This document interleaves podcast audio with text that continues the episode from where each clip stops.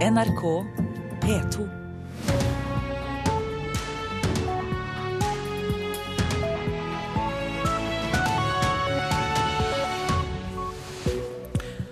Vel møtt til eh, Nyhetsmorgen tirsdag 9. desember. Dette er hovedsaker. En ny dokumentarfilm om pelsdyrnæringen i Norge sjokkerer Mattilsynet. Pelsdyrnæringen mener den skaper et feil bilde. Daglig leder i Brann, Roald Brun-Hansen, trekker seg, men Rikard Norling fortsetter som trener. Barnearbeid og barneslaveri er en av de viktigste inntektskildene for Indias kriminelle nettverk, sier fredsprisvinner. Og en amerikansk dokumentar vekker oppsikt og inspirerer andre til å lage krimgåter som podkast. Det store spørsmålet serien prøver å komme til bunns i, er om en 17 år gammel gutt som i 1999 ble dømt for drapet på sin ekskjæreste, virkelig er skyldig, eller om saken er et justismord. I studio i dag, Øystein Heggen. Mattilsynet er sjokkert over nye bilder fra pelsdyrgårder i Norge. I kveld sender NRK Brennpunkt en dokumentar om pelsdyroppdretten her i landet. Etter å ha sett dokumentaren påpeker tilsynet flere lovbrudd. Så Vi er jo forskrekka og forbanna når vi ser dette. Vi ser, eh, vi ser, gamle, store sår vi ser, eh, som tilsynelatende ikke har vært behandla. Vi ser håndtering av dyr, vi holder de bare i halen. Og vi ser håndtering f.eks. under inseminering som er i strid med regelverket. Er det her noe det er grunn til å tro at er representativt for næringa, eller skjer flere steder i næringa? Vi vet ikke hvordan dette er klipt, og, det er vanskelig for oss å uttale oss om, om dette er representativt for, for, eh, næringen eller for de virksomhetene som er fremstilt. Men uansett så er det vi har sett uakseptabelt og, ikke godt nok. Vi legger til at uh, informasjonssjef i Norges Pelsdyralslag, Guri Vormdal, sier at hun ser noen håndteringer som ikke er som de skal være, men mener de ikke er representative for næringen. Reporter Marit Gjelland. Etter et 13,5 eh, timers krisemøte i fotballklubben Brann i går, ble det i natt klart. Roald Brun-Hansen trekker seg som daglig leder, mens Rikard Norling fortsetter som trener. Styreleder Rolf Barmen kalte inn til et kort pressemøte like før klokka to i natt. Roald Brun-Hansen har i kveld besluttet å trekke seg som daglig leder i sportsklubben Brann. Det tok sin tid, men etter over et halvt døgn kom resultatet av det ekstraordinære styremøtet i Brann. Skandalesesongen som førte Brann ned til førstedivisjon, kulminerte i natt i at Roald Brun-Hansen trakk seg fra stillinga si som daglig leder. Den har han hatt siden høsten 2006. Når han velger å tre til side, så begrunner han det med klubbens situasjon og det står det respekt av. Sa styreleder i Brann Rolf Barmen på pressekonferansen i natt. Samtidig ønsker vi å påpeke at evalueringene viser at Roald har full tillit i organisasjonen. Vi forstår at Roald synes det var umulig å fortsette som leder i dagens situasjon. Roald har gjort en fabelaktig innsats for klubben, og det ønsker vi å takke ham for. Klubbens nestleder Terje Martinsen tar over roret for nå. Styret vil så snart som mulig se seg om etter en ny daglig leder. Samtidig ble det klart at Rikard Nordling blir mannen som skal føre Brann opp igjen i Eliteserien, slik også supporterklubben Bataljonen har ønskt. Rikard skal fortsatt trene Brann, og styret ønsker å styrke apparatet rundt ham. Vi kommer også til å gjeninnføre sportssjefsrollen med øyeblikkelig virkning. Ingen i Brann ville svare på spørsmål for å presse etter maratonmøtet. En sliten styreleder ba om at klubben nå får arbeidsro. Vi er sliten og vi er trøtt, og så lover vi at vi alle skal jobbe knaller fremover for at sesongen 2015 ender med tippeligaspill. Og det var reporter Jon Bolstad som holdt seg våken og fulgte dramaet på Brann stadion i natt. Kampen om norske arbeidsplasser kan bli tøffere til neste år. Det viser en undersøkelse gjort av Manpower blant 750 norske arbeidsgivere, og gjelder utsiktene for neste kvartal. Bare 7% svarer de vil øke bemanningen, og så lav optimisme har vi ikke sett siden finanskrisen i 2009, sier konsernsjef i Manpower, Målfrid Bratt. Nei, Det betyr at vi går inn i et litt tøffere arbeidsmarked. Eh, det kommer til å bli større kamp om jobbene. Vi har fortsatt en lav arbeidsledighet i Norge. Men eh, jeg tror nok at i 2015 så kommer vi til å oppleve et mye tøffere arbeidsmarked enn vi har sett på, på lenge i Norge. De fleste forholder seg nøytrale, men bare 7% av norske arbeidsgivere vil øke bemanningen i neste kvartal, viser Manpowers undersøkelse. Og sist vi så slik beskjeden optimisme, var under finanskrisen, forteller Målfrid Bratt i Manpower. Og hvis vi ser totalt sett i historisk perspektiv, så har vi aldri hatt så nøkterne tall. Så da må vi helt tilbake til 2009 for å se så nøkterne tall. Noe av årsaken til nyårets pessimisme kan komme av nedbemanningen i oljeselskapene, kombinert med lave oljepriser. Olje- og gassnæringen viser overraskende nok optimisme for nyansettelser, men spesielt én sektor kommer dårlig ut. Og det er offentlig sektor. Der er man ganske pessimistiske, og der er det flere som skal nedbemanne enn oppbemanne. Hva kan det komme av, da? Nei, det kan jo hende at også offentlig sektor har begynt å tenke effektivisering, eller ser behovet for effektivisering. Så det er vanskelig å si hva det kommer av. Men, men det er i hvert fall det vi observerer, er at arbeidsgiverne i offentlig sektor nå er de mest negative av alle bransjer. En tendens er også at større bedrifter er mer pessimistiske enn små og mellomstore. Ofte merker store bedrifter mer til de globale trendene og tar kostnadsskudd tidligere. Dette kan gjøre dem til bjellesauer for andre bedrifter, også når det kommer til nedbemanning. Vi ser jo ofte at det er de som tar nedbemanninger og endringer først. Så kommer eh, mindre og mellomstore bedrifter etter. Fortsatt så er de mellomstore bedriftene, dvs. Si de som har mellom 50 og 250 ansatte, ganske optimistiske inn i, i, første kvartal neste år, der det er flere som sier de skal ansette enn nedbemanne. Og det er jo et godt tegn for, for, oss. Men det at de store går foran, sånn pleier det ofte å være. Og det jo, blir jo spennende å se på sikt om det også får ringvirkninger på de mindre virksomhetene. Samtidig skal vi ikke glemme at norsk arbeidsliv primært består av små og mellomstore bedrifter. Så det at man fortsatt ser optimismen der, det er jo et godt tegn for AS Norge. Og reporter var Knut Arne Oseid. Barnearbeid og barneslaveri er en av de viktigste inntektskildene for Indias kriminelle nettverk. Å bekjempe barnearbeid betyr å ta kampen opp mot de kriminelle bandene. Det sier fredsprisvinner Kailash Satyarthi. Well, actually, the child labor and child trafficking in particular is the biggest source of. Nobelprisvinneren har god innsikt i konsekvensen av barnearbeid i India, sosialt og økonomisk. En rapport fra organisasjonen Global March Against Child Labour anslår at det hvert år genereres 360 milliarder dollar fra barnearbeid i India. Det er omtrent 20% av landets bruttonasjonalprodukt. De store pengesummene frister kriminelle elementer. They have no faith and respect for childhood and children. Uh, they wanted to become uh, rich Uh, Dette er en kamp mot de kriminelle, mot mafiaen, sier Kailash Satyarthi til NRK. Det er mafiaen som stjeler barna, og det er de som har den største egeninteressen i å motarbeide oss og vårt arbeid, sier han. But they are very smart guys, very, very smart guys. And they know how to deal with the local police and authorities and how to... Nobelprisvinneren forteller at den enorme profitten fra barnearbeid pløyes inn i annen kriminalitet og brukes til å betale bestikkelser for å holde politi og rettssystem i sjakk. De svarte pengene oppstår når bedrifter jukser med regnskapene. På papiret er det voksne som lønnes, men så er det barn som gjør arbeidet. But when they employ children, they pay pittance or don't pay anything. So the whole money which is spent on paper officially becomes the black money. Barna lønnes veldig lavt, eller ikke i det hele tatt, forteller Satyarthi. Hele forskjellen pløyes inn i den svarte økonomien og blir drivkraften i mafiaen. Kampen mot barnearbeid er kampen mot mafiaen, sier fredsprisvinneren, som har ført kampen mot barnearbeid på flere fronter. Foreldre som står i fare for å bli fralurt sine barn av kyniske pengeutlånere fra mafiaen, blir opplyst om hva som faktisk skjer. En annen metode er å opplyse rettssystemet om hvilke mottiltak loven faktisk tillater. Og så er det å engasjere forbrukermakt. I'm not going to have this because the children are employed by you.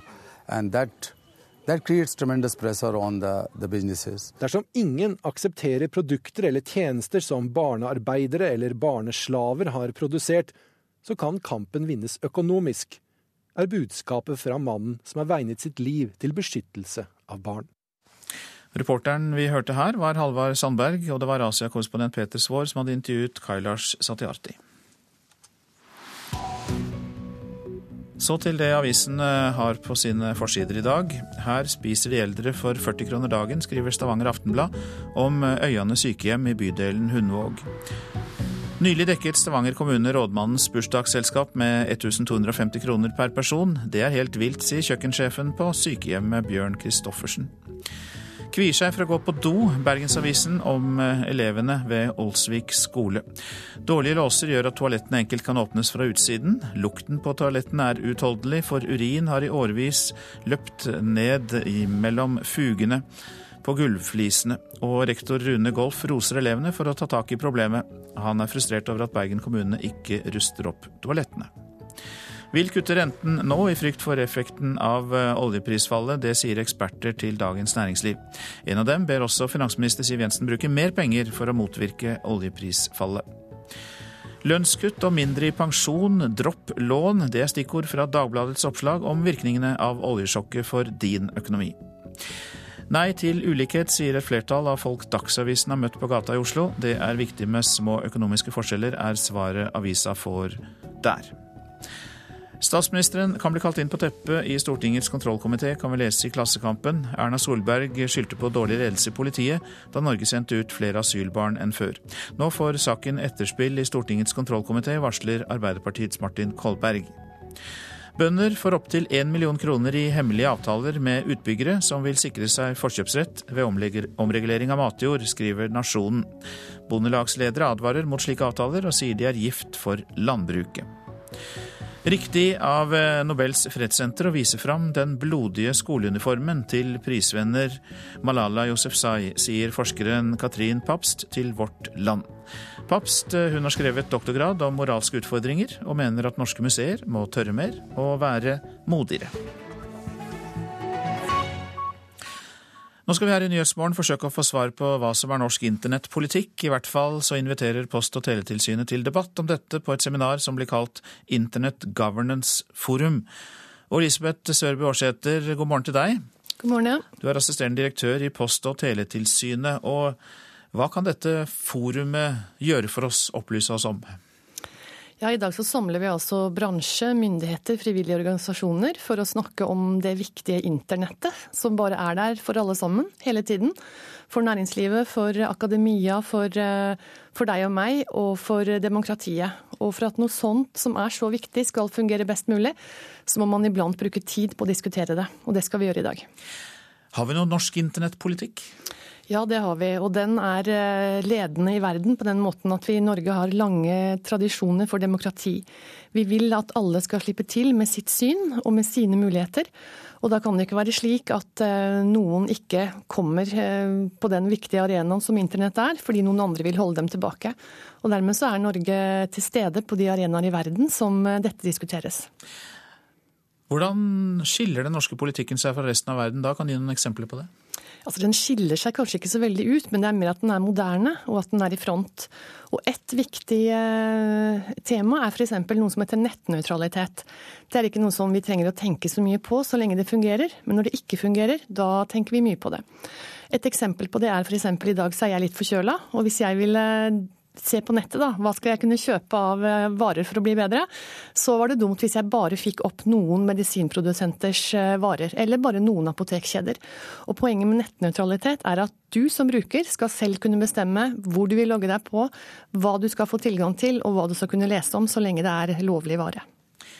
Det er vel og bra. Samtidig så har vi lest i avisene i det siste om det dype, mørke internett, der kriminelle holder kontakt med hverandre for bl.a. å handle med både barn og dop. Og, eh, hvordan er mulighetene innenfor det norske systemet å begrense det? Ja, så nå er Det jo sånn at det er jo ikke internett det handler om. Det handler om de menneskene som eh, bruker dette her som, eh, til det onde. Og selve internett er jo ment for å brukes eh, til menneskets beste. slik at det er jo viktig da å diskutere rammene for hvordan man vil at internett skal fungere som en viktig faktor f.eks. i demokratiutvikling. Og da har man jo da motkrefter som bruker internett for alt det er verdt, dessverre.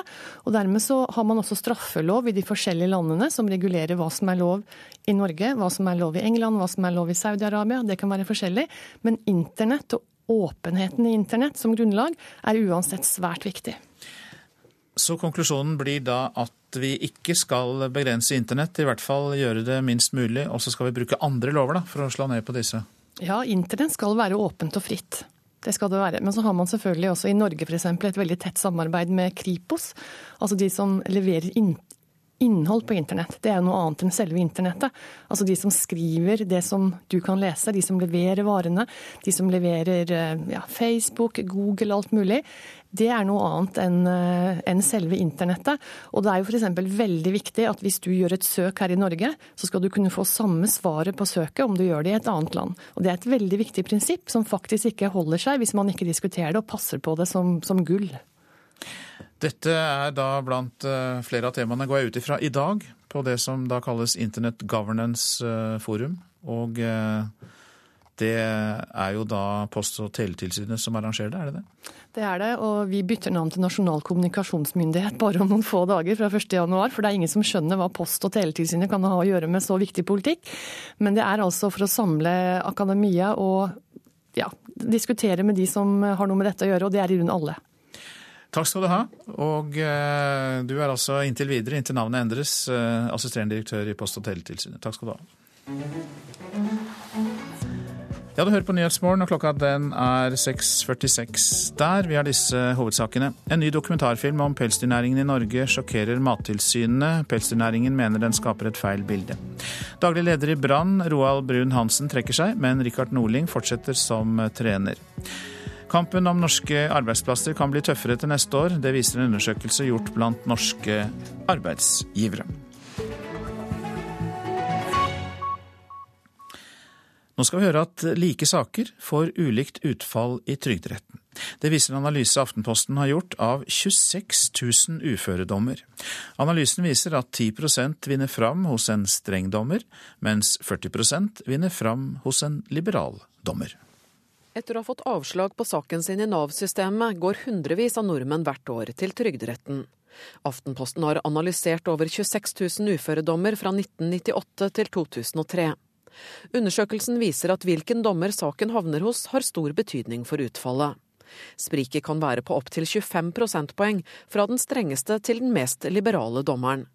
Muskel- og skjelettsykdommer og psykiske lidelser er hoveddiagnosen i over 70% av sakene, der det er rom for å bruke mye skjønn. Flere av juristene i Trygderetten legger stor vekt på fagdommernes makt.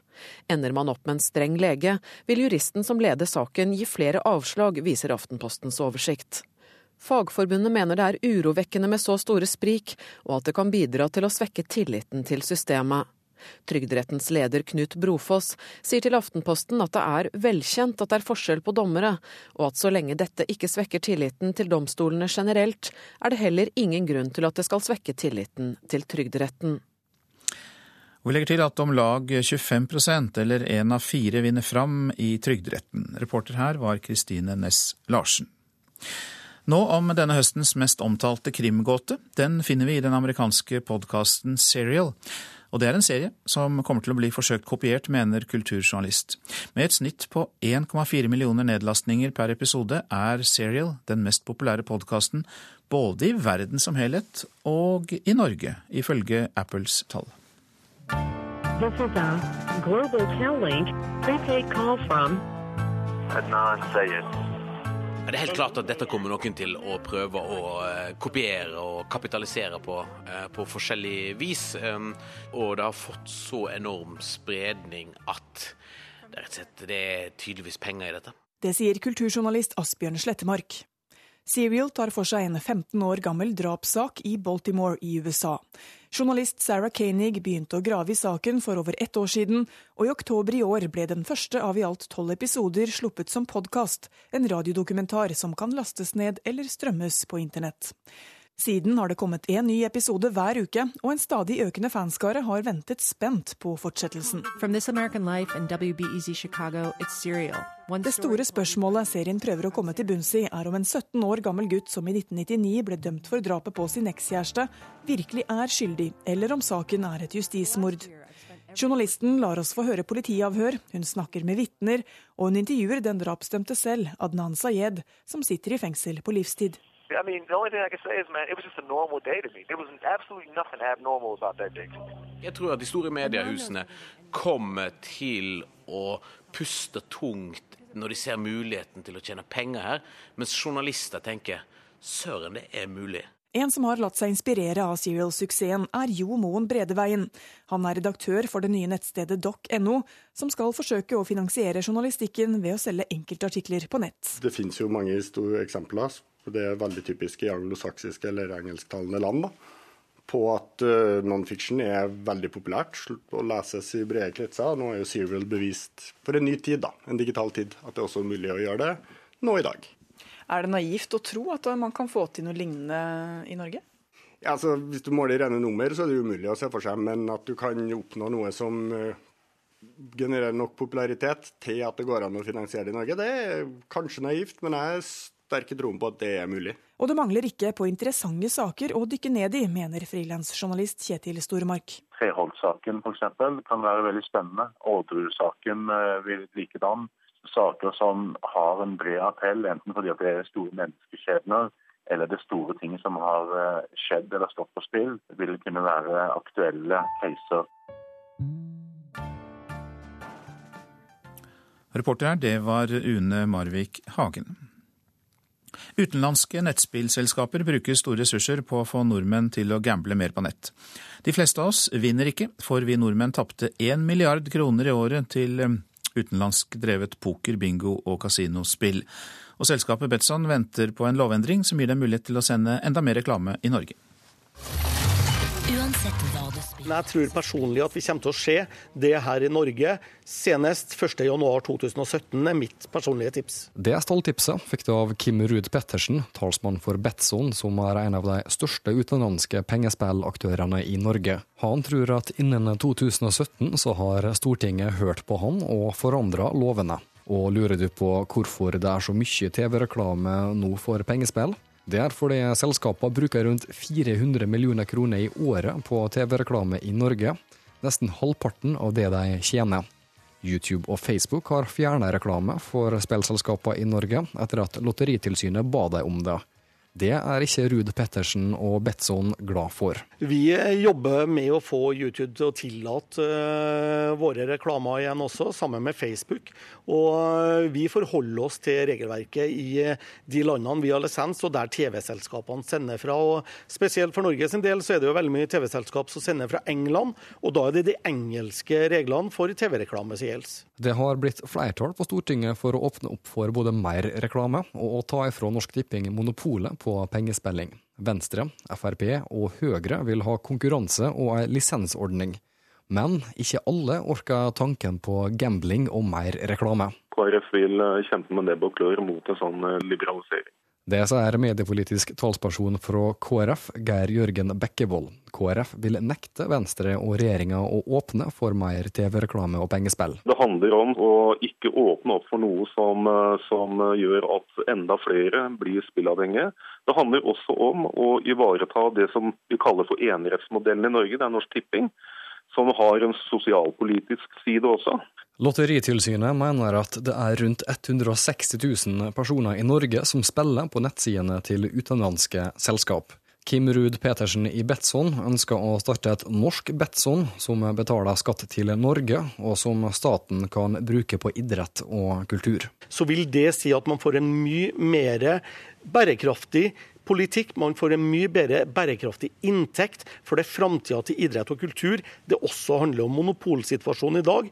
Man ser det at det blir færre og færre penger til de forskjellige gode formålene, pga. at veldig mange velger å spille utenlands.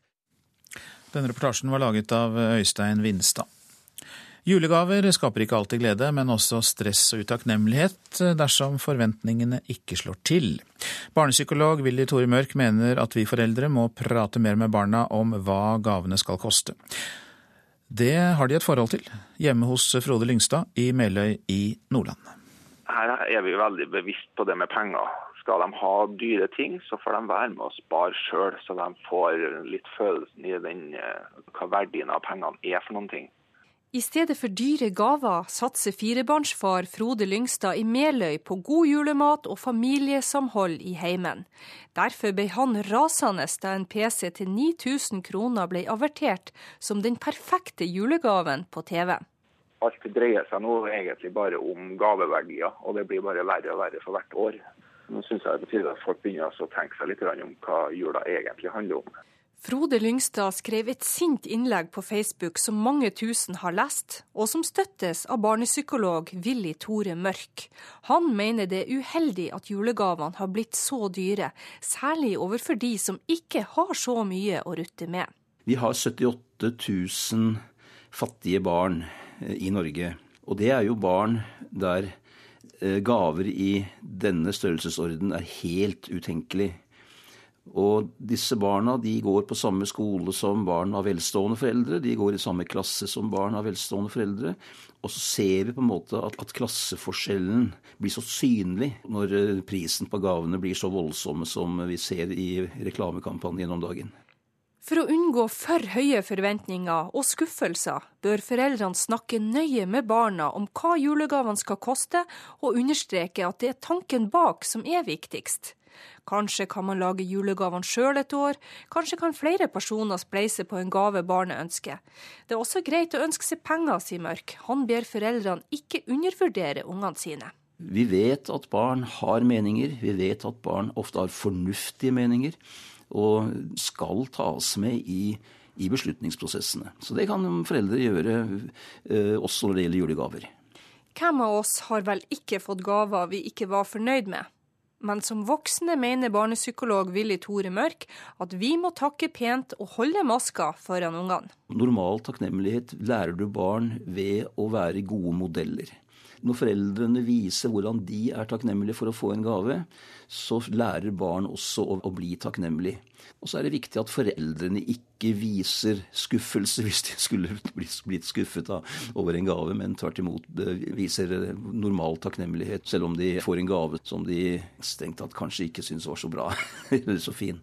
I dag er det et stort press blant både barn og voksne barn å ha siste skrik innen klær, biler eller elektroniske duppedingser. Dette presset slipper heller ikke familien Lyngstad i Meløy unna, forteller pappa Frode. Jeg har jo en sønn som fylte elleve år i oktober her, og han ønska seg en ny telefon.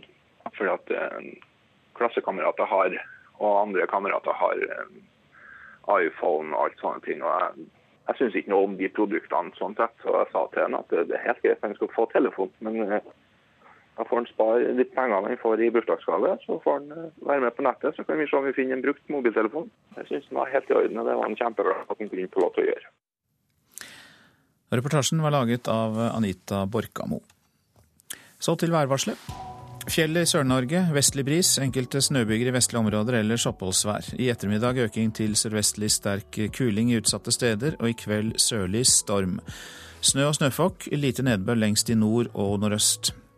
Østlandet og Telemark oppholdsvær. I kveld sørlig sterk kuling på kysten. Lokalt eh, sterke vindkast i innlandet. Regn i indre og høyereliggende strøk. Snø. Agder oppholdsvær. Fra i ettermiddag sørvestlig sterk kuling utsatte steder. Seint i kveld liten storm. Etter hvert regn, snø i fjellet. Og i kveld mye nedbør i Vest-Agder. Vestlandet enkelte regnbyger, snøbyger i indre og høyereliggende strøk. I ettermiddag øking til sørlig liten eller full storm utsatte steder. Etter hvert regn i indre og høyereliggende strøk, sludd eller snø. Lokalt mye nedbør i eh, Rogaland. Trøndelag nordvest liten kuling utsatte steder. I ettermiddag dreiende sørøst. Enkelte sludd- eller snøbyger. I kveld sørøst sterk kuling utsatte steder, men stort sett oppholdsvær. Nordland i Vesterålen liten kuling, snøbyger. Flest i ytre strøk. I kveld sørøstlig liten kuling, stiv kuling i sør. Oppholdsvær. Troms sørvestlig liten kuling utsatte steder og snøbyger, flest i ytre strøk. I kveld eh, blir det bris og oppholdsvær. Finnmark sørvestlig stiv kuling i utsatte kyst- og fjordstrøk. I ettermiddag minkende til liten kuling, snøbyger i vest. I øst opphold. På vidda stort sett pent. Nordensjøland på Spitsbergen enkelte snøbyger i vest, ellers opphold. Temperaturer klokka fire. Svalbard lufthavn minus ti. Kirkenes minus sju. Vardø minus tre. Alta minus seks. Tromsø-Langnes null. Bodø pluss tre. Brønnøysund pluss to. Trondheim og Molde pluss tre. Bergen og Stavanger pluss to. Kristiansand-Kjevik minus to. Gardermoen og Lillehammer minus sju. Røros og Oslo-Blindern minus fire grader da klokka var eh, fire. Nyhetsmorgen fortsetter med disse sakene. En ny dokumentarfilm om pelsdyrnæringen i Norge sjokkerer Mattilsynet. Pelsdyrnæringen mener den skaper et feil bilde. I dag blir store deler av flytrafikken i Norge lammet i én time. Fagforeningen Parat går til politisk streik. Vi spør om ikke det bare skaper irritasjon og ris til legen bak. Vi gjør også et forsøk på å sette opp den ideelle Nobelkomiteen sammen med direktøren for Fredsforskningsinstituttet. Og julegaver som lett kan brukes ulovlig, ja, det får mange av oss under juletreet i år. Mattilsynet er sjokkert over dyreforholdet blant enkelte oppdrettere i pelsdyrnæringen. I kveld sender NRK Brennpunkt en dokumentar om pelsdyroppdretten her i landet. Etter å ha sett dokumentaren påpeker tilsynet flere lovbrudd. Vi er på en pelsdyrgård i Trøndelag. En rev festes fast i en vegg. Bonden finner fram ei sprøyte med revesperm som føres inn i bakenden på reven. Om noen uker er det revevalper. For å få slutt på sprell bruker bonden ei nakketang som tar kvelertak på reven. Hva er det den gjør for noen? Så Vi er jo forskrekka og forbanna når vi ser dette. Assisterende tilsynsdirektør i Mattilsynet Ole Fjetland reagerer på det han ser. Han har ansvaret for å følge med på at pelsdyrnæringa ikke bryter lovverket. Først og fremst så ser vi jo eh, dyr som blir eh, behandla eh, altså, respektløst. Vi ser, og vi ser holdninger til dyrevelferd som er totalt uakseptable. Vi ser, vi ser, gamle, store sår vi ser, som tilsynelatende ikke har vært behandla. Vi ser håndtering av dyr, vi holder de bare i halen. Og vi ser håndtering f.eks. under inseminering, som er i strid med regelverket. På kurset jeg var på, de, var så, de sa hele tida at du eh, måtte aldri ta dem etter halen, sa de. Dokumentaren vises på NRK1 i kveld. Vi følger Frank, som gir seg ut for å være en nyoppstarta pelsdyrbonde. Han møter andre pelsdyroppdrettere over hele Norge, og med skjult kamera dokumenterer han det Mattilsynet mener er brudd på loven om dyrevelferd. Filmen er laga av dyrevernaktivister, et poeng informasjonssjef i Norges pelsdyralslag Guri Vormdal er opptatt av. Dette er en film som er laget av en dyreaktivist, fordi han ønsker å få næringa og pelsdyrholdet avvikla.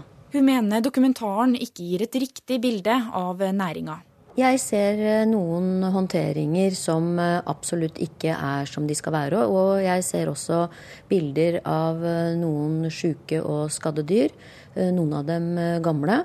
Så jeg bestrider ikke at det er ting i filmen som ikke er som det skal være. Men det jeg har et stort behov for å få fram, er at dette ikke på noen måte er representativt for vår, vårt husdyrhold. Er det her noe det er grunn til å tro at er representativt for næringa, eller skjer flere steder i næringa? Vi vet ikke hvordan dette er klippet, og det er vanskelig for oss å uttale oss om, om dette er representativt for, for, eh, næringen eller for de virksomhetene som er fremstilt. Men uansett så er det vi har sett uakseptabelt og, og ikke godt nok.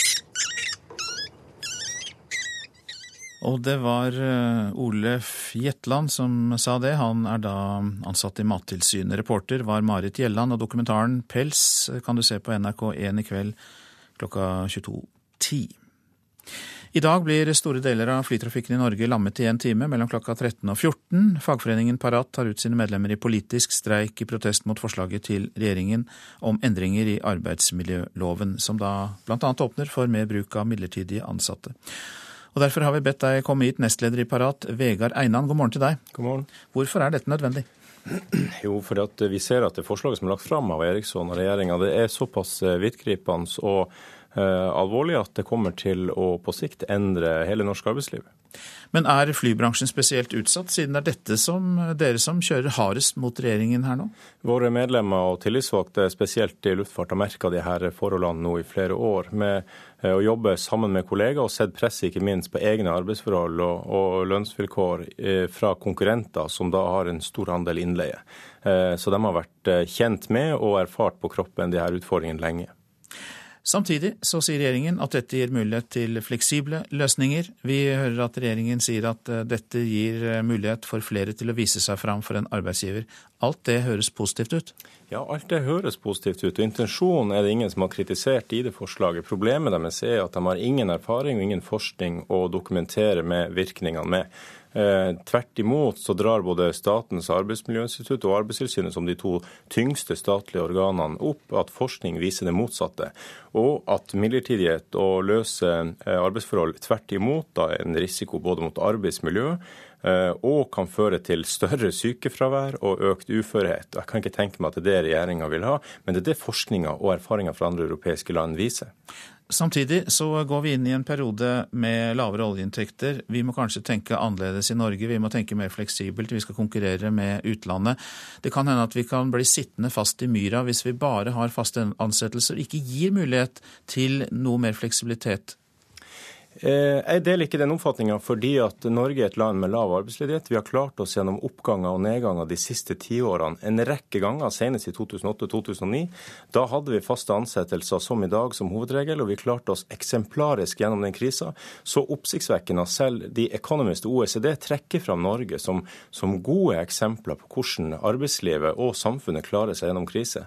Eh, sånn at, at det skal være nødvendig å endre på ei suksessoppskrift som har funka så mange ganger før, det, den kjøper jeg før du kom i eh, studio, Einan, så annonserte jeg at jeg skal spørre deg stille følgende spørsmål, nemlig er ikke dette ris til egen bak? Altså Flytrafikken er jo så sensitiv.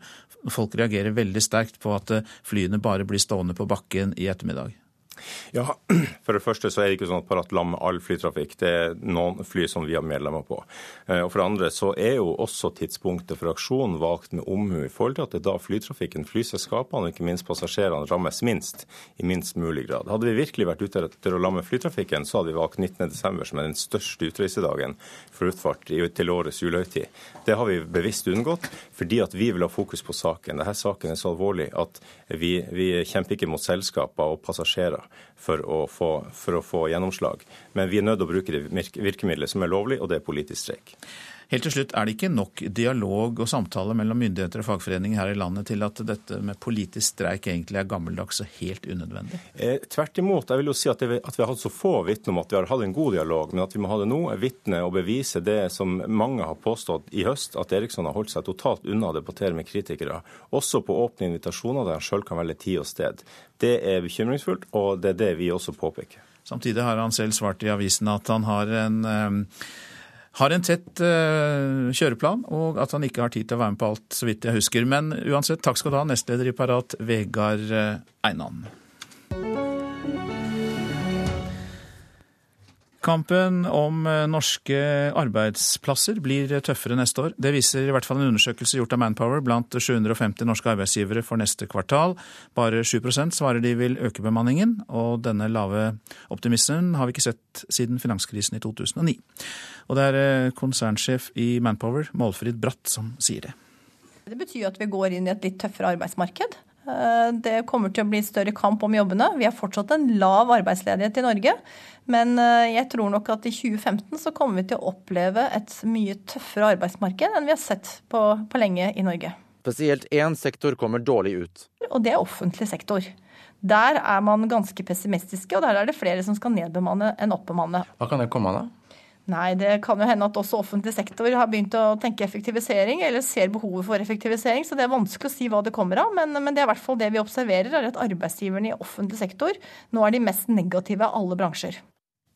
Konsernsjef Manpower Målfrid Bratt og reporter var Knut Arne Oseid.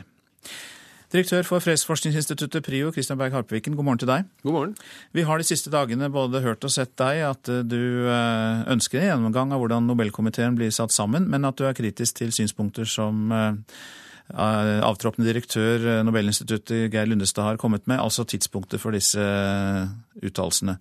Kanskje vi skal la det ligge, for det jeg er opptatt av, er nemlig det faktiske innholdet i det han sier. og Hvorfor er det behov for eh, noen justeringer og reformer i hvordan vi oppnevner komiteen? At Nobelprisen er eh, verdens viktigste pris, det behøver vi ikke å diskutere. Men eh, for å være det, og fortsette å være det, så må man ivareta det merkenavnet det er. Og et helt kritisk element er at prisen fremstår som uavhengig. I dag så er komiteen utpekt av Det norske storting. Setene i komiteen eh, fordeles på grunnlag av, kjøttvekta i Stortinget. det kobler komiteen veldig, norsk, veldig, rett, veldig tett til et tverrsnitt av norsk politikk. Det er helt unødvendig. Det eneste Alfred Nobel har bedt Stortinget om, er å utpeke en komité på fem medlemmer. Og når Stortinget sier at eh, den eneste måten å gjøre det på, er å velge blant eh, aktive partipolitikere i Norge, blant folk som utpekes av deres stortingsgrupper, så syns jeg det er relativt fantasiløst. Bør det da være åpning i komiteen for sånne som deg, da, Harpvirken, forsker i fred og internasjonal politikk? Jeg vet at enkelte tenker at dette er en uh, søknad om det. Det er det på ingen som helst måte. Men uh, jeg tror det er viktig at man ser utover bare folk som har vært uh, aktive i partipolitikk. Man kunne tenke seg utenrikspolitiske kommentatorer. Man kunne tenke seg eh, akademikere. Man kunne tenke seg eh, aktivister fra sivilsamfunnet som har eh, lang fartstid. Det viktigste er jo, og der er jo Lundestad og jeg helt enig, at dette er folk som har vist stor kompetanse og stor interesse for de spørsmål som prisen skal kaste et lys på. Hvordan syns du de som sitter i komiteen eh, nå, og i og for seg i tidligere år, har framstått? Jeg syns jo at komiteen har eh, en god, eh, en, en god, CV i den forstand at eh, prisen står seg så godt som den, som den, gjør. Flere av de siste årenes priser vil jeg nok si har vært litt problematiske. Den prisen som kanskje står seg aller dårligst ute i verden, er prisen til Obama. Og jeg legger jo merke til at Lundestad i sitt intervju med Aftenposten også sier at det var en pris som ikke virket slik den var tiltenkt. Det har jeg forståelse for. Det var, eh, på det tidspunktet kunne det kanskje fremstå som eh, fornuftig, eh, selv om onde tunger nok også tenker at det var fristende å få den mannen som den gang var høyst i verdens medieoverskrifter til Oslo på akkurat den tiden. Men men når det er sagt, eh, prisen eh, er jo ikke blitt verdens viktigste pris fra de at komiteen har gjort en dårlig jobb. Så mitt poeng er jo at skal den fortsette å være verdens viktigste pris, så tror jeg det er eh, viktig å ta noen grep nå, mens man kan gjøre det proaktivt, i stedet for å vente til man har en omdømmekrise, og så måtte reagere på den. Helt til slutt, vi må vel slå fast at det likevel skal være Stortinget som utnevner Nobelkomiteen. Det er ingen andre institusjoner som vil kunne gjøre det? Definitivt ikke. Der er eh, Nobels testamente krystallklart. Mange takk, Kristian Berg Hapviken, som altså er direktør for PRIO, Fredsforskningsinstituttet. Ja, Du lytter til Nyhetsmorgen. Klokka den går mot 7.16. Vi har disse hovedsakene. En ny dokumentarfilm om pelsdyrnæringen i Norge sjokkerer Mattilsynene. Pelsdyrnæringen mener den skaper et feil bilde. Like saker får ulikt utfall i Trygderetten. En analyse Aftenposten har gjort, viser at 10 eh, vinner fram hos en streng dommer, mens 40% vinner fram hos en liberal dommer. Daglig leder i Brann, Rikard Brun Hansen, trekker seg. Det ble klart i natt. Men Rikard Norling fortsetter som trener for fotballklubben. USA trapper opp sikkerhetstiltakene ved ambassader og militærbaser i mange land, for i dag legges den såkalte torturrapporten fram. Rapporten på 6000 sider avslører hvilke torturmetoder USA har brukt i krigen mot terror siden 2001, og hvem USA har samarbeidet med. Etterretningskomiteen i Senatet har brukt flere år på rapporten, som Obama-administrasjonen frykter kan føre til uro og hevnaksjoner. The administration has been for months preparing for the release of this. Uh, the administration has taken the prudent steps to ensure that the proper security precautions are in place at US facilities around the globe. Vi har forberedt oss på dette i månedsvis, og vi har skjerpet sikkerheten der det er nødvendig, sier president Obamas pressetalsmann Josh Ernest. 6000 amerikanske spesialsoldater er satt i høyeste beredskap i Midtøsten, Afrika og deler av Europa. For frykten for aksjoner fra IS og andre er stor. Den kalles torturrapporten og er utarbeidet for Senatet. Den avslører rystende detaljer om CIAs fengsler og avhørsmetoder, ifølge senator Dianne Feinstein, som leder etterretningskomiteen i Senatet.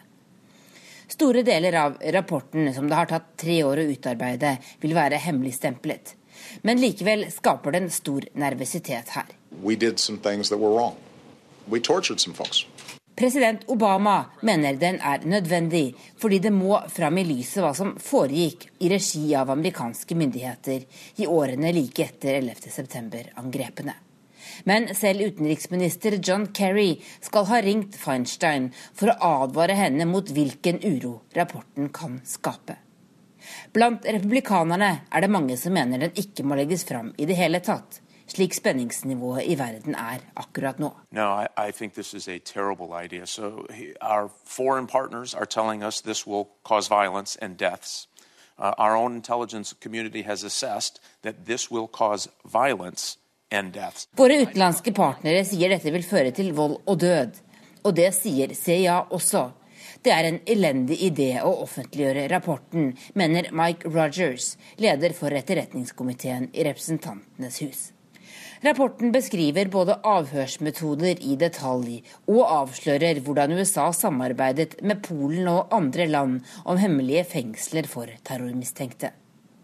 Bush-administrasjonen vil utvilsomt få hard kritikk. Og både tidligere visepresident Dick Cheney og andre har forsvart sine handlinger de siste dagene. Det gjorde også tidligere president George W. Bush i et intervju med CNN på søndag. Who uh, work hard at the CIA, serving on our behalf. These are patriots. De som jobber i CIA er patrioter vi skal være stolte av. Dersom rapporten underminerer innsatsen de gjør, er det helt feil, sier Bush. Reporter her, det var USA-korrespondent Tove Bjørgaas. Gapet mellom fattige og rike i en rekke land er større enn på 30 år. Det viser en ny rapport fra Organisasjonen for samarbeid og økonomisk utvikling, OECD. Organisasjonen mener den økte ulikheten rammer den økonomiske veksten, også i Norge. I de fleste OECD-landene er gapet mellom rik og fattig på sitt største på 30 år, ifølge en ny rapport fra organisasjonen som har analysert sine 34 medlemsland.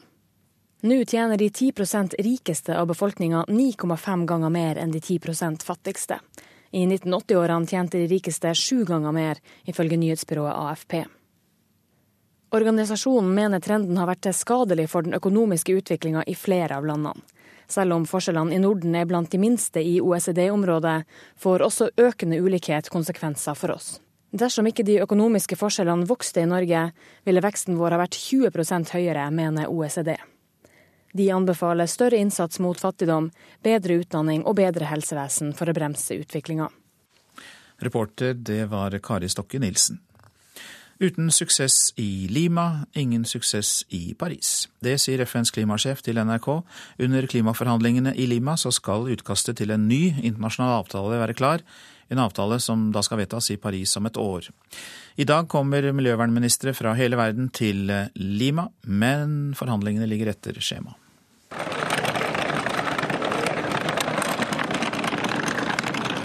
Ei trillevogn med utstyr til et møterom. Tempoet blir skrudd opp her i Lima nå. 5000 utsendinger fra nesten 200 land går omkring i sommersola, spente på hva veka vil bringe. Den første veka har forhandlerne rådd grunnen. I dag er politikerne på plass for å ta over stafettpinnen. Den såkalte høgnivådelen er i gang. Forhandlingene i Lima skal legge grunnlaget for den globale klimaavtalen som skal vedtakes i Paris neste år. Mye står på spill. Vi møter hun som er sjef for alt som skjer her. FNs klimasjef Christiana Figueres. Oh, it's completely critical, right? Without a successful Lima, there is no successful Paris. That's very clear. Uten suksess i Lima, ingen suksess i Paris, sier Figueres. Så da blir utfordringene store når politikerne nå skal ta over. Aslak Brun er norsk forhandlingsleder. Jeg opplever ikke at landene nærmer seg hverandre i første uken. Så får vi håpe at vi klarer å få det til i uke to. Har forhandlerne nå fått klart et dokument som kan legges fram for politikerne nå når høynivådelen begynner og ministrene kommer? Nei, det har vi ikke gjort. Vi har fått et nytt dokument som vi skal se på en gang til. Eh, men eh, det er fremdeles forhandlerne som skal se på om alle synspunkter er inkorporert, og om dette er eh, godt nok til å ta videre. Bolivia, Andrea Rodriguez fra Bolivia representerer en frivillig organisasjon og har fulgt forhandlingene første veka. Hun er ikke imponert. But so far, not even governments know which is going to be the basis document to, to draft that draft. You know? Representantene for de ulike landene vet ikke engang hva som skal være kladden til avtaleutkastet. Det er ikke engang semje om prosessen som skal føre fram til et utkast, sier hun. Um, because we have learned from the Copenhagen uh, experience that you have to allow governments to Klimasjef Christiana Figueres er redd for at det som skjedde på konferansen i København i 2009 skal gjenta seg. Altfor lite var klart, og det ble ingen avtale. And our intent is to have governments have a full year of consideration of the text, and that is what we want to get out of Lima. Vår reporter i Lima, det var eh, Eivind Molde. Så til avisene. Her spiser de eldre for 40 kroner dagen, skriver Stavanger Aftenblad om Øyane sykehjem i bydelen Hundvåg. Nylig dekket Stavanger kommune rådmannens bursdagsselskap med 1250 kroner per person. Det er helt vilt, sier kjøkkensjef på Øyane sykehjem, Bjørn Christoffersen. Kvier seg for å gå på do, skriver Bergensavisen om elevene ved Olsvik skole. Dårlige låser gjør at toalettene enkelt kan åpnes fra utsiden. Lukten på toalettene er uutholdelig, for urin har i årenes løp rent ned i fugene mellom gulvflisene. Rektor Rune Golf roser elevene for å ta tak i problemet. Han er frustrert over at Bergen kommune ikke ruster opp toalettene vil kutte renten, nå i frykt for effekten av oljeprisfallet. Det sier eksperter til Dagens Næringsliv. En av dem ber finansminister Siv Jensen bruke mer penger for å motvirke oljeprisfallet. Lønnskutt og mindre i pensjon, dropp lån, det er stikkord fra Dagbladets oppslag om virkningene av oljesjokket for din økonomi. Nei til ulikhet, sier et flertall av folk Dagsavisen har møtt på gata i Oslo. Det er viktig med små økonomiske forskjeller, er svaret avisa får der. Trygdespriket er oppslaget i Aftenposten. Hvilken dommer saken havner hos har vesentlig betydning i Trygderetten, der avslag fra Nav blir behandlet. Avisas analyse viser at 10% vinner fram hos en streng dommer, mens 40% vinner mot Nav hos en liberal dommer. Statsministeren kan bli innkalt på teppet i Stortingets kontrollkomité, kan vi lese i Klassekampen. Erna Solberg skyldte på dårlig ledelse i politiet da Norge sendte ut flere asylbarn enn før. Nå får saken etterspill i Stortingets kontrollkomité, varsler Arbeiderpartiets Martin Kolberg. Bøndene får opptil 1 million kroner i hemmelige avtaler med utbyggere som vil sikre seg forkjøpsrett ved omregulering av matjord, skriver Nasjonen. Bondelagsledere advarer mot slike avtaler, og kaller dem for gift for landbruket. Riktig av Nobels fredssenter å vise fram den blodige skoleuniformen til prisvinner Malala Yousefzai, sier forskeren Katrin Papst til Vårt Land. Papst har skrevet doktorgrad om moralske utfordringer, og mener at norske museer må tørre mer og være modigere. Nå kommer dronene nærmere deg. Mange nordmenn, ikke minst ungdom og familiefedre, kommer til å få multikopter til jul. Fjernstyrte flymaskiner selges i tusentall fra nettbutikker og hobbybutikker, og ekspertene er helt sikre på at mange kommer til å bli brukt ulovlig. Først så skal vi mm, sjekke at dette multikopteret er klart til å fly. og Der har vi en egen prosedyre som sånn sett vi egentlig bruker som grunnlag før vi, før vi starter det opp. Fotograf Anders Martinsen i Kristiansand, sertifisert operatør og kursholder, klargjør sitt åttearmede multikopter.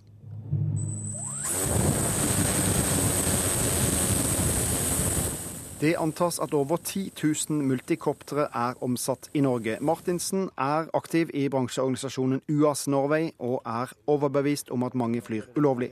Det foregår veldig mye flyvning som ikke er lov, og som er veldig uansvarlig. Frykten i dag er jo at mange av de som har kjøpt et nytt leketøy, også bruker det som leketøy, men ikke forstår hvilke konsekvenser dette kan ha for andre. Skal du noe annet enn å bare leke eller drive konkurranse, f.eks. fly og fotografere med et actionkamera, må du ha tillatelse. Per i dag er det gitt 200 lisenser her i landet, en firedobling i løpet av 2014. En ting er å skade seg selv og kanskje ødelegge en finger eller en arm, eller øh, for den saks skyld øh, de som står nærmest og som kanskje bidrar til selve flyvninga. Men en av de største utfordringene øh, vi har i dag, det er sånn sett å få folk til å forstå det ansvaret som de bærer med å fly et multikopter, som gjerne består av propeller som er av plast og karbon, hvor det har flere tusen omdreininger per minutt, og hvor skadeomfanget er Det kan være katastrofalt. Og det er mennesker, men vår største frykt er jo ei dødsulykke hvor også annen lufttrafikk blir berørt av dette. Og det er bare flaks at vi ikke har sett ulykker, det sier Morten Raustein i Luftfartstilsynet. Vi har hatt tilfeller der droner har eh, stokket av gårde på egen hånd og ukontrollert fløyer rundt omkring. Og Da er det jo bare flaks eller uflaks som gjør om man blir truffet eller ikke. Roger Mo og bedriften Elefun i Grimstad er landets største på salg av multikopter. De har solgt flere tusen bare i år. Totalsalget i år er jo, er jo helt fantastisk. da. Gir dere noe eh, informasjon videre om hva, hva, som, hva som er regelverket, og at hvis du skal fotografere, så må du ha tillatelse og sånn? Vi eh, opplyser kunder på, via nettsida våre og sånn om, eh, om å sette seg inn i de reglene som gjelder. Jeg hadde senest en opplevelse i forrige uke hvor jeg blir flydd over i Kvadraturen i Kristiansand. Og står igjen med undring egentlig over hva som eh, akkurat har skjedd. Og finner da en operatør som uten operatørgodkjenning står midt inne i Kvadraturen av Kristiansand og filmer ulovlig. Til slutt er fotograf og sertifisert multikopteroperatør Anders Martinsen fra Kristiansand, som også da representerer bransjeorganisasjonen UAS Norway. Reporter Eirik Damsgård. Du lytter til Nyhetsmorgen. Prosent i dag Eli Bjelland. Her i studio Øystein Heggen. I morgen gjenopptas fredssamtalene mellom regjeringen i Colombia og FARC-geriljaen etter at geriljaen har satt fri en kidnappet general. Men etterpå har en flom av rykter oppstått, der elskerinnebesøk og ulovlig gullgraving er blant ingrediensene. Mer i reportasjen etter Dagsnytt.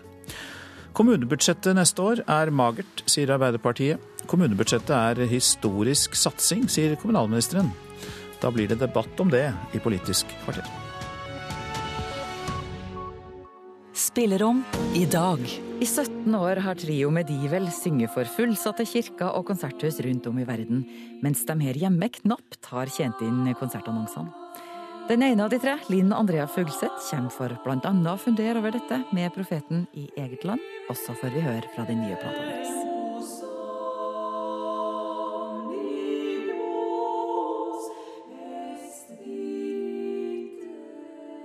Spillerom i dag klokken 11 på NRK P2. Mattilsynet er sjokkert over nye bilder fra pelsdyrgårder i Norge. USA frykter hevnaksjoner, legger fram torturrapport i dag. Og Rikard Norling fortsetter som trener i Brann. Her er NRK Dagsnytt klokken 7.30.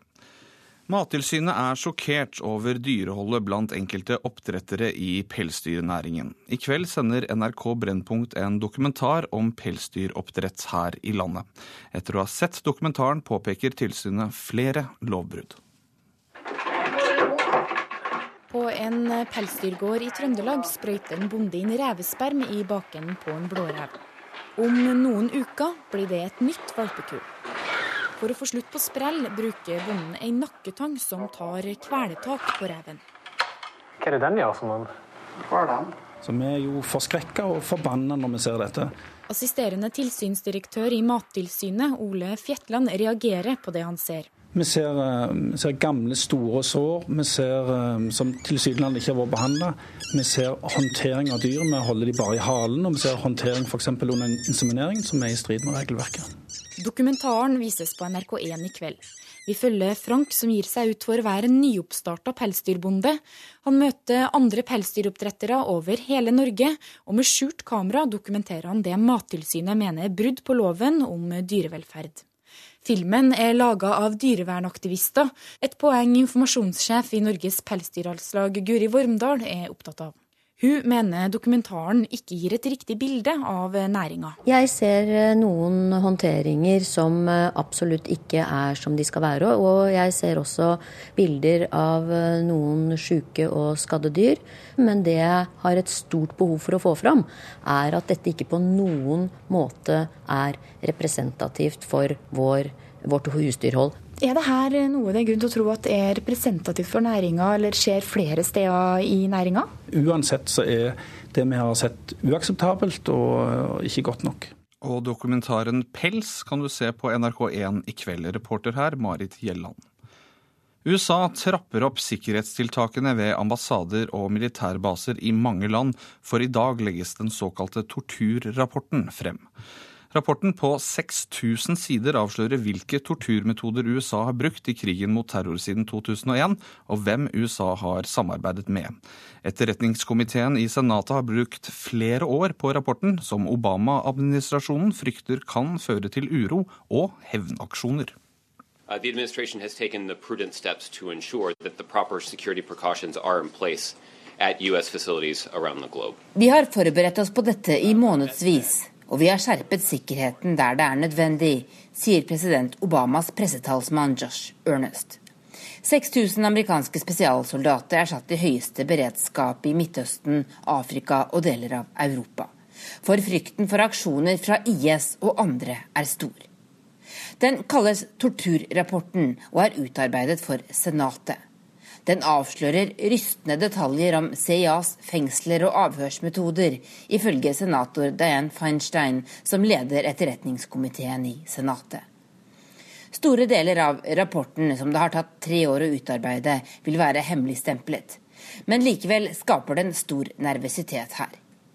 Bush-administrasjonen vil utvilsomt få hard kritikk og både tidligere visepresident Dick Cheney og andre har forsvart sine handlinger de siste dagene. Det gjorde også tidligere president George W. Bush i et intervju med CNN på søndag. Who, uh, work hard at the CIA, serving on our behalf. These are patriots. De som jobber i CIA er patrioter vi skal være stolte av, sier Bush. USA-korrespondent Tove Bjørgaas har laget denne saken.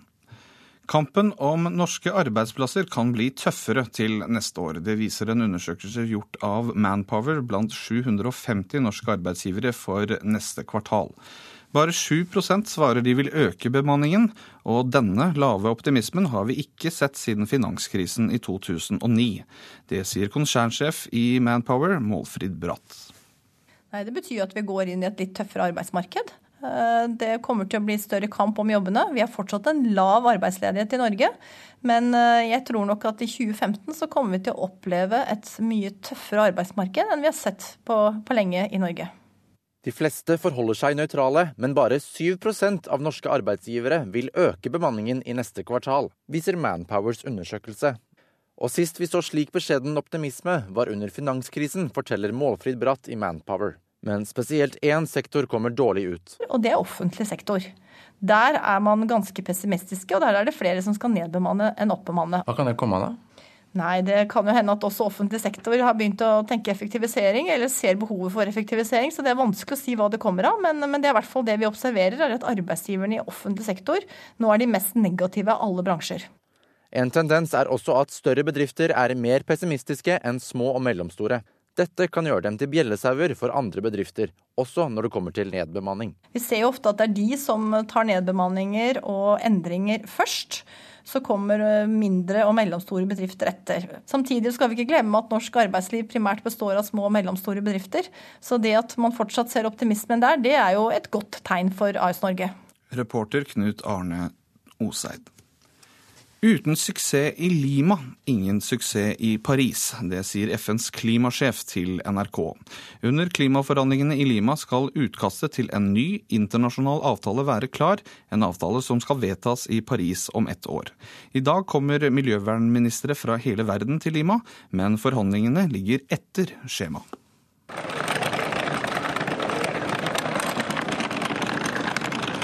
Ei trillevogn med utstyr til et møterom 5000 utsendinger fra nesten 200 land går omkring i sommersola, spente på hva veka vil bringe. Den første veka har forhandlerne rådd grunnen. I dag er politikerne på plass for å ta over stafettpinnen. Den såkalte høgnivådelen er i gang. Forhandlingene i Lima skal legge grunnlaget for den globale klimaavtalen som skal vedtas i Paris neste år. Mye står på spill. Vi møter hun som er sjef for alt som skjer her, FNs klimasjef Christiana Figueres. Oh, it's completely critical, right? Without a successful Lima, there is no successful Paris. That's very clear. Uten suksess i Lima, ingen suksess i Paris, sier Figueres. Så da blir utfordringene store når politikerne nå skal ta over. Aslak Brun, er norsk forhandlingsleder. Og jeg opplever ikke at landene nærmer seg hverandre i første uken. Så får vi håpe at vi klarer å få det til i uke to. Klimarådgiver Ola Skålvik Elvevold har fulgt forhandlingene som representant for Naturvernforbundet og en rekke andre frivillige organisasjoner. Så langt er det dessverre ikke så veldig mye som tyder på at man eh, har det travelt her. Det får vi tro at endrer seg nå. Nå kommer politikerne, nå eh, blir det alvor, og man må eh, få til resultat. Reporter i Lima, Eivind Molde. Og i dag er statsråd Tine Sundtoft på plass i Lima for å lede forhandlingene frem til konferansen som avsluttes fredag. Etter et 13 og et halv times krisemøte i fotballklubben Brann i går ble det i natt klart. Roald Brun Hansen trekker seg som daglig leder, mens Rikard Norling fortsetter som trener. Styreleder Rolf Barmen kalte inn til et kort pressemøte like før klokka to i natt. Roald Brun Hansen har i kveld besluttet å trekke seg som daglig leder i sportsklubben Brann. Det tok sin tid, men etter over et halvt døgn kom resultatet av det ekstraordinære styremøtet i Brann. Skandalesesongen som førte Brann ned til førstedivisjon, kulminerte i natt i at Roald Brun Hansen trakk seg fra stillinga si som daglig leder. Den har han hatt siden høsten 2006. Når han velger å tre til side, så begrunner han det med klubbens situasjon, og det står det respekt av. Sa styreleder i Brann Rolf Barmen på pressekonferansen i natt. Samtidig ønsker vi å påpeke at evalueringene viser at Roald har full tillit i organisasjonen.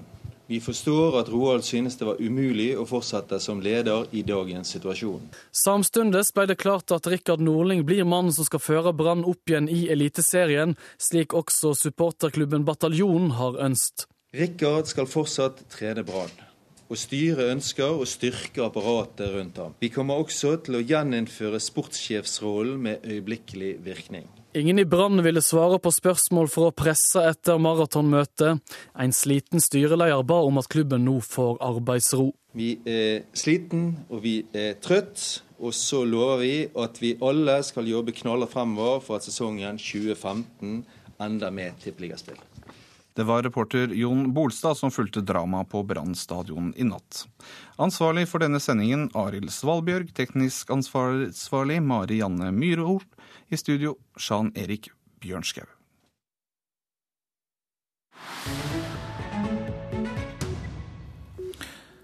Dette er Nyhetsmorgen. Denne uken gjenopptas fredssamtalene om Colombia. De ble utsatt da FARC-geriljaen kidnappet en general i den colombianske hæren for to uker siden. Nå er generalen satt fri, men en flom av rykter har oppstått. Julia Loge har laget denne reportasjen.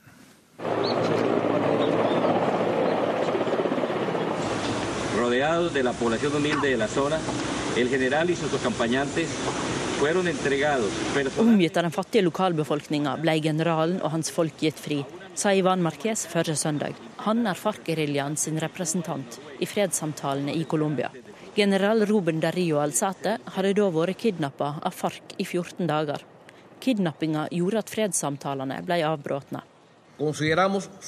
crisis e informamos que hemos acordado que el próximo ciclo de conversaciones tendrá lugar entre el 10 Krisen er overkommen, og fredssamtalene vil fortsette fra 10.12., sa den cubanske mekleren José Luis Ponce på tirsdag. Fredssamtalene starta for to år siden, og målet er å avslutte den 50 år lange konflikten i Colombia. 220 000 mennesker har mista livet i konflikten, og over fem millioner har blitt drivne på flukt. Geriljaen har kidnappa folk før, men aldri har de kidnappa en så høytstående militær. He solicitado al Gobierno Nacional mi retiro del servicio activo. Por mi honor militar, Jeg ber om å bli løst fra pliktene mine i militæret, sa general Alsate dagen etter at han ble satt fri. Grunngjevinga var at han ikke hadde fulgt tryggleiksrutinene, og den offisielle forklaringa er at generalen reiste i sivil og uten militært vern for å få bedre kontakt med de lokale. Han skulle til et vindkraftprosjekt, sier de. Men hva skulle han der? At han sa opp stillinga si, har gitt ytterligere grobunn for rykter. Men det er ikke alt. Hva gjorde han i skogen, og hvorfor var han kledd i sivil? Kan hende var han ute på en hemmelig romanse? Eller var han del av et korrupsjonsnettverk med geriljaen? Nå er altså disse ryktene kommet til overflaten da, om at eh, etter sigende for å besøke de som driver disse illegale gullvaskingsprosjektene der, og for å motta bestikkelser fra disse. da. Så det er en, en høyst plausibel forklaring. Sier Øystein Kjetne. Han bor i Colombia og driver en nettstad som handler om hvor dødelig kokain er. Ikke bare for forbrukeren, men òg for de som bor i landene der kokain blir produsert, og langs smuglerrutene. Så der er, der er masse digre illegale gullvaskingsfabrikker i disse elvene. Og det er klart, militære og andre myndigheter ser gjennom fingrene med dette, og får betalt for å se gjennom fingrene med det. Generalen ble kidnappa i et område med mye ulovlig gruvegraving. De som graver etter gull der, må betale ei avgift til den lokale paramilitære gruppa og til den lokale geriljaen. Og det er denne geriljaen som nå kidnapper general Alzate. Men her har det tydeligvis vært et eller annet i samarbeidet da, mellom militære og de paramilitære og geriljaen som, som, har gått galt, og det har endt med at geriljaen da har valgt å kidnappe generalen. Uansett hva generalen gjorde i området, om han skulle se på vindmøller, møte ei elskerinne eller få penger fra ulovlig gullgraving, så sier denne historien mye om hva fredssamtalene må rydde opp i. Colombia sitt problem stikker mye dypere enn at det eksisterer en marxistisk gerilja. Det er bare egentlig en konsekvens av disse enorme kokaininntektene som tilflyter landet. Og som fører til dette voldsnivået i mange av de perifere områdene i landet, og til en massiv korrupsjon av samfunnsinstitusjoner. Avslutta Kjetne. Nå er i det minste floken med den kidnappa generalen løst. Og på onsdag starter fredssamtalene i Havanna opp igjen. Dette er Nyhetsmorgen, og dette er hovedsaker i dag. En ny dokumentarfilm om pelsdyrnæringen i Norge sjokkerer Mattilsynet. Pelsdyrnæringen mener den skaper et feil bilde. Daglig leder i Brann, Roald Brun-Hansen, trekker seg, men Rikard Norling fortsetter som trener for fotballklubben. Like saker får ulikt utfall i Trygderetten. En analyse Aftenposten har gjort, viser at 10% vinner fram hos en streng dommer, mens 40% vinner fram hos en liberal dommer i Trygderetten. USA frykter hevnaksjoner etter en rapport som avslører USAs torturmetoder i kampen mot terror. Rapporten er utarbeidet av etterretningskomiteen i Senatet. Nå straks Politisk kvarter. Der er programleder Cecilie Roang Bostad.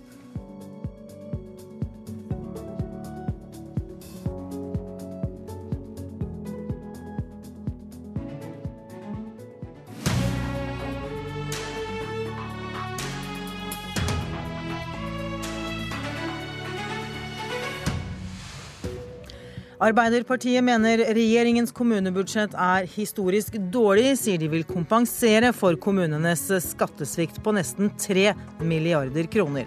I dag skal budsjettet behandles på Stortinget. Og Dagsavisen må ha respekt for de som faktisk skaper verdiene her i landet, mener Høyres Heidi Nordby Lunde, som møter avisens samfunnsredaktør til debatt om bl.a. formuesskatten. Riktig god morgen og velkommen til eh, Politisk kvarter. I dag så skal altså kommunebudsjettet debatteres på Stortinget.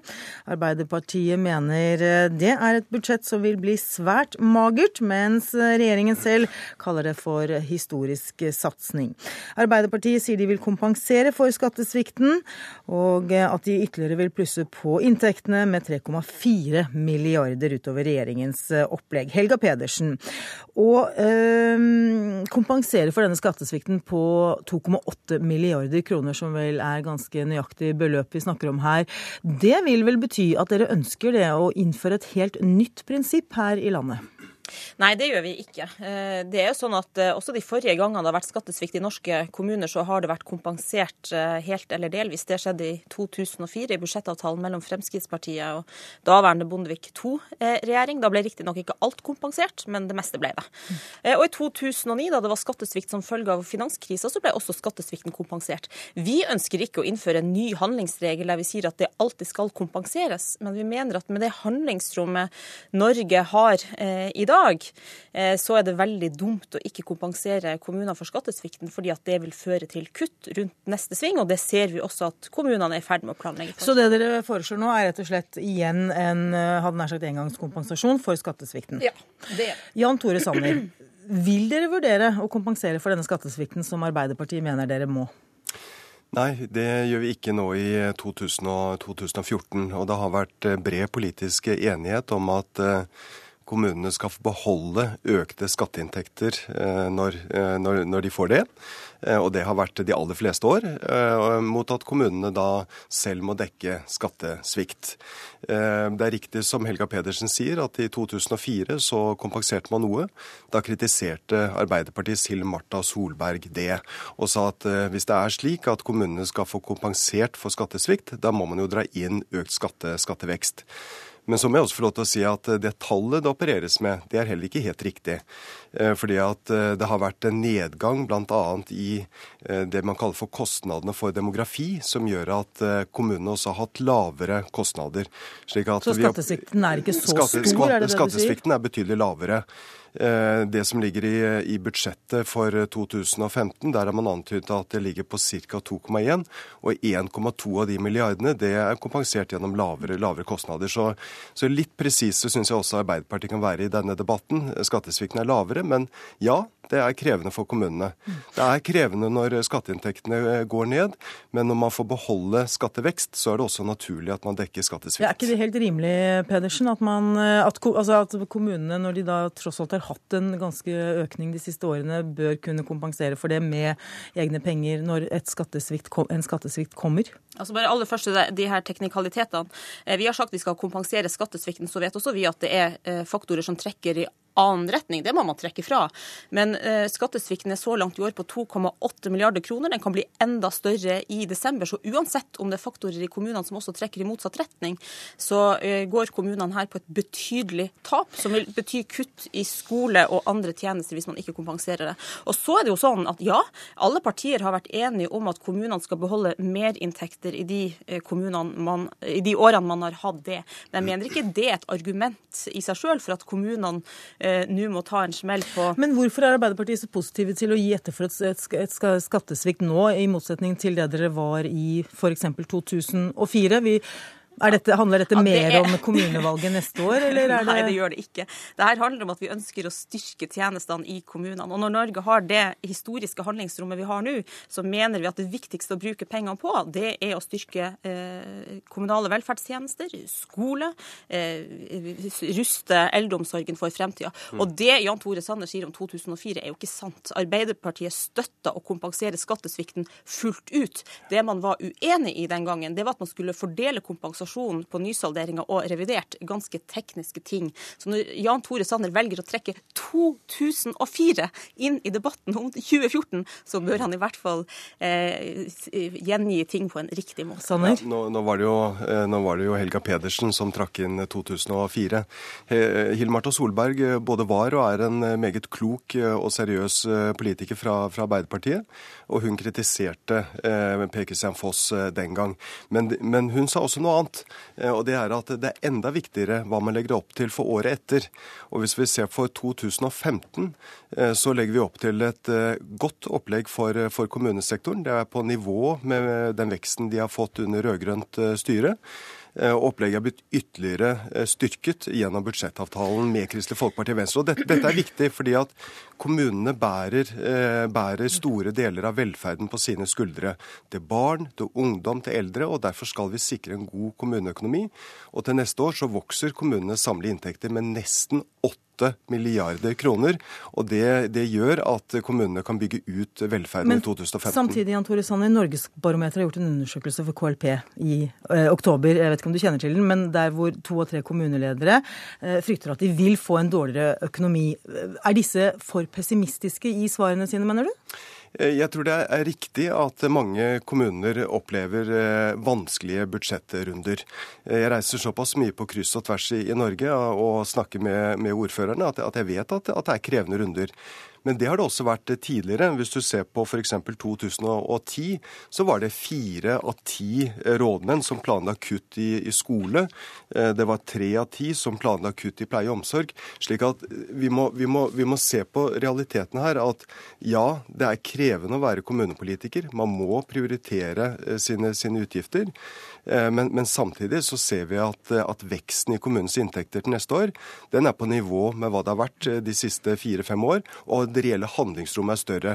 Det gjør at det kan bli mer til skole, mer til pleie og omsorg, og kommunene kan fortsette å tette hull i det sosiale sikkerhetsnettet, og det er et godt grunnlag for 2015. Pedersen, kort til slutt. Kommunalministeren og kommunepolitikerne lever på to ulike planeter. For det er jo ikke bare kommunebarometeret som viser at handlingsrommet blir mindre til neste år. Også KS budsjettundersøkelse eh, viser at de fleste kommunene mener at budsjettet for 2015 vil bli vanskeligere enn det for 2014. Samtidig så sa vel KS at de var rimelig godt fornøyd ja, med det budsjettet som KS, kommunalministeren KS, KS, KS, har sagt at, at, det et, at, det er et, godt budsjett for, for kommunene. Eh, og det registrerer jeg at også Arbeiderpartiordførere sier. Så, så litt redelighet og nøyaktighet i debattene, det tror jeg at eh, også opposisjonspolitiker Helga Pedersen hadde stått seg med. Uansett, debatten vil fortsette på Stortinget fra i eh, ettermiddag en gang. Takk for at dere kom til Politisk kvarter begge to, Helga Pedersen og Jan Tore Sanner.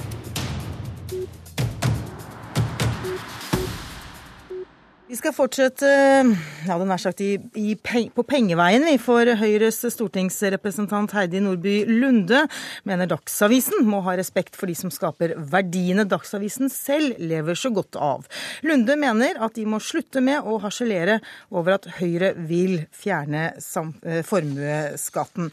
Og Heidi Nordby Lunde, stortingsrepresentant for Høyre, velkommen hit til eh, Politisk kvarter. Du skriver i en kronikk i Dagsavisen i går at du ikke er overrasket over at en avis som er så avhengig av skattebetalerne, ikke går med overskudd og ikke betaler moms, selv ikke har noen forståelse for vanlige bedrifters hverdag. Er ikke det å harselere? Jo, det er det. og Jeg skal innrømme det også. Eh, Dagsavisen er selvfølgelig i sin fulle rett til å, å både harselere og skrive om vår politikk og kritisere og være uenig. Men jeg skal innrømme at jeg har veldig lenge hatt lyst da, til å skrive et innlegg i Dagsavisen som begynner med en kritikk av, av deres egen pressestøtte. Særlig når det ikke viser noen særlig forståelse for nettopp den eh, vanlige norske bedriften, de vanlige norske arbeidsplassene, som sier selv at, eh, at eh, formuesskatten skader både arbeidsplasser og reinvesteringer i, i, bedriften. Så ja, det var nok spisset veldig mye. Jeg er enig, enig i det, men jeg syns kritikken var betimelig. Irene Halvorsen, samfunnsredaktør i nettopp Dagsavisen, og vel kanskje den som var skyteskiven for Heidi Nordby Lunde. Har ikke dere respekt for folk som skaper verdier? Verdier her i landet? Jo, absolutt. Og det er veldig, veldig viktig å få til verdiskapning i Norge. Der deler eh, Dagsavisen eh, det synet både med Høyre og eh, resten av stortingspartiene. Når det er sagt, så mener jeg at Heidi Nordby Lunde er en skarpskodd debattant. Men det er bare så trist at hun tar feil når hun snakker om Dagsavisen. Så vi kan ta det først. Fordi det er bare tull å si at Dagsavisen går med underskudd. Det er som å si Altså Høyre selv mottok 160 millioner millioner kroner i statsstøtte i fjor. Man kan jo neppe se på resultatregnskapet til Høyre og si at eh, dermed så er resultatet deres 160 millioner kroner svakere enn dette. Alle inntekter regnes med, og i et eh, fellesskap som Norge så er det mange bransjer og bedrifter og organisasjoner som mottar en, eh, en indirekte og direkte støtte fra staten. Nå skal vi ikke og... debattere hvem som mottar hva i støtte her, men vi skal faktisk gå rett inn på det som utgangspunktet Utgangspunktet for disse kronikkene deres handler om nettopp formuesskatten. Uh, Irene Halvorsen, uh, det du begynte med forrige, da Scheel-utvalget kom, var jo kritikk av Høyre for at ikke de har fått, gjennom, fått gehør i befolkningen for at de ønsker å fjerne formuesskatten, og at det gjelder så få at den er ubetydelig.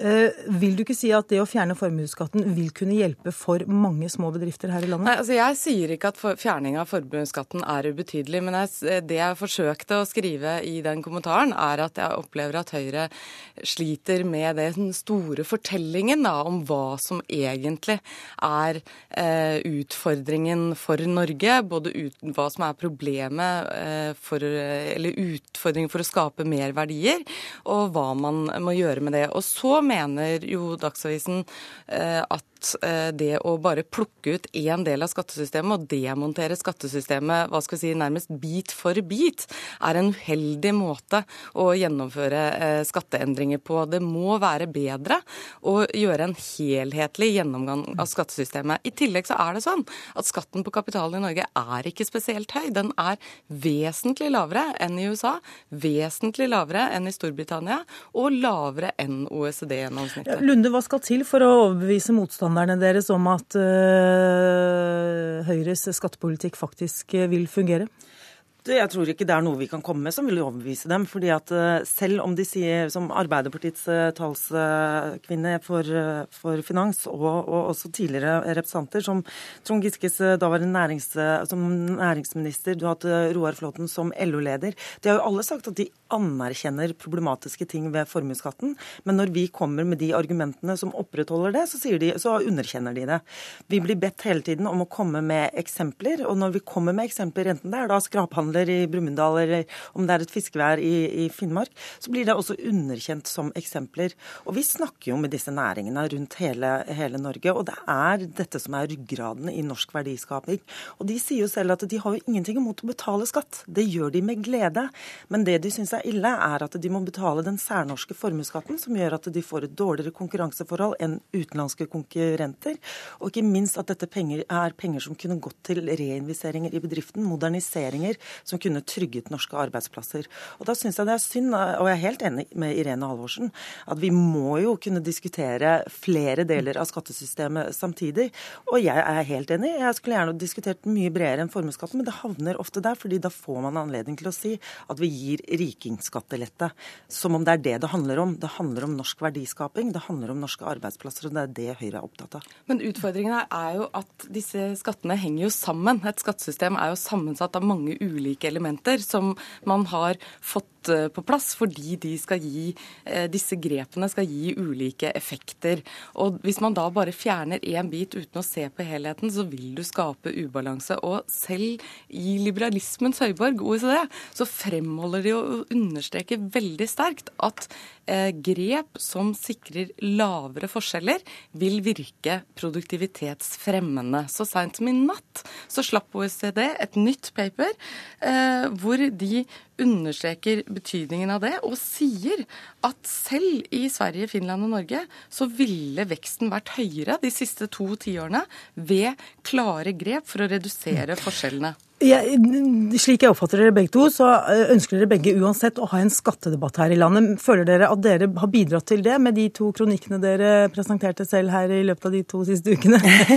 ja, jeg føler at det bidrar til, til skattedebatten, og den er ikke på noen som, som helst måte over. Men jeg ser jo For det er vel det vi ønsker, en skattedebatt i Norge på, på, et fornuftig grunnlag? Mm, men, jeg ser, men altså, for, for, Høyre så har ikke, har ikke formuesskattedebatten vært veldig enkel. og jeg ser at vi trenger fortsatt fortsatt også spisse ut den debatten. Komme opp med de gode eksemplene, som folk ser at dette dreier seg om deres arbeidsplasser, ikke om skattelette til, til rikinger. Men man må se på den totale Dessverre siste ord i debatten for denne omgang. Politisk kvarter er slutt. Hør flere podkaster på nrk.no podkast.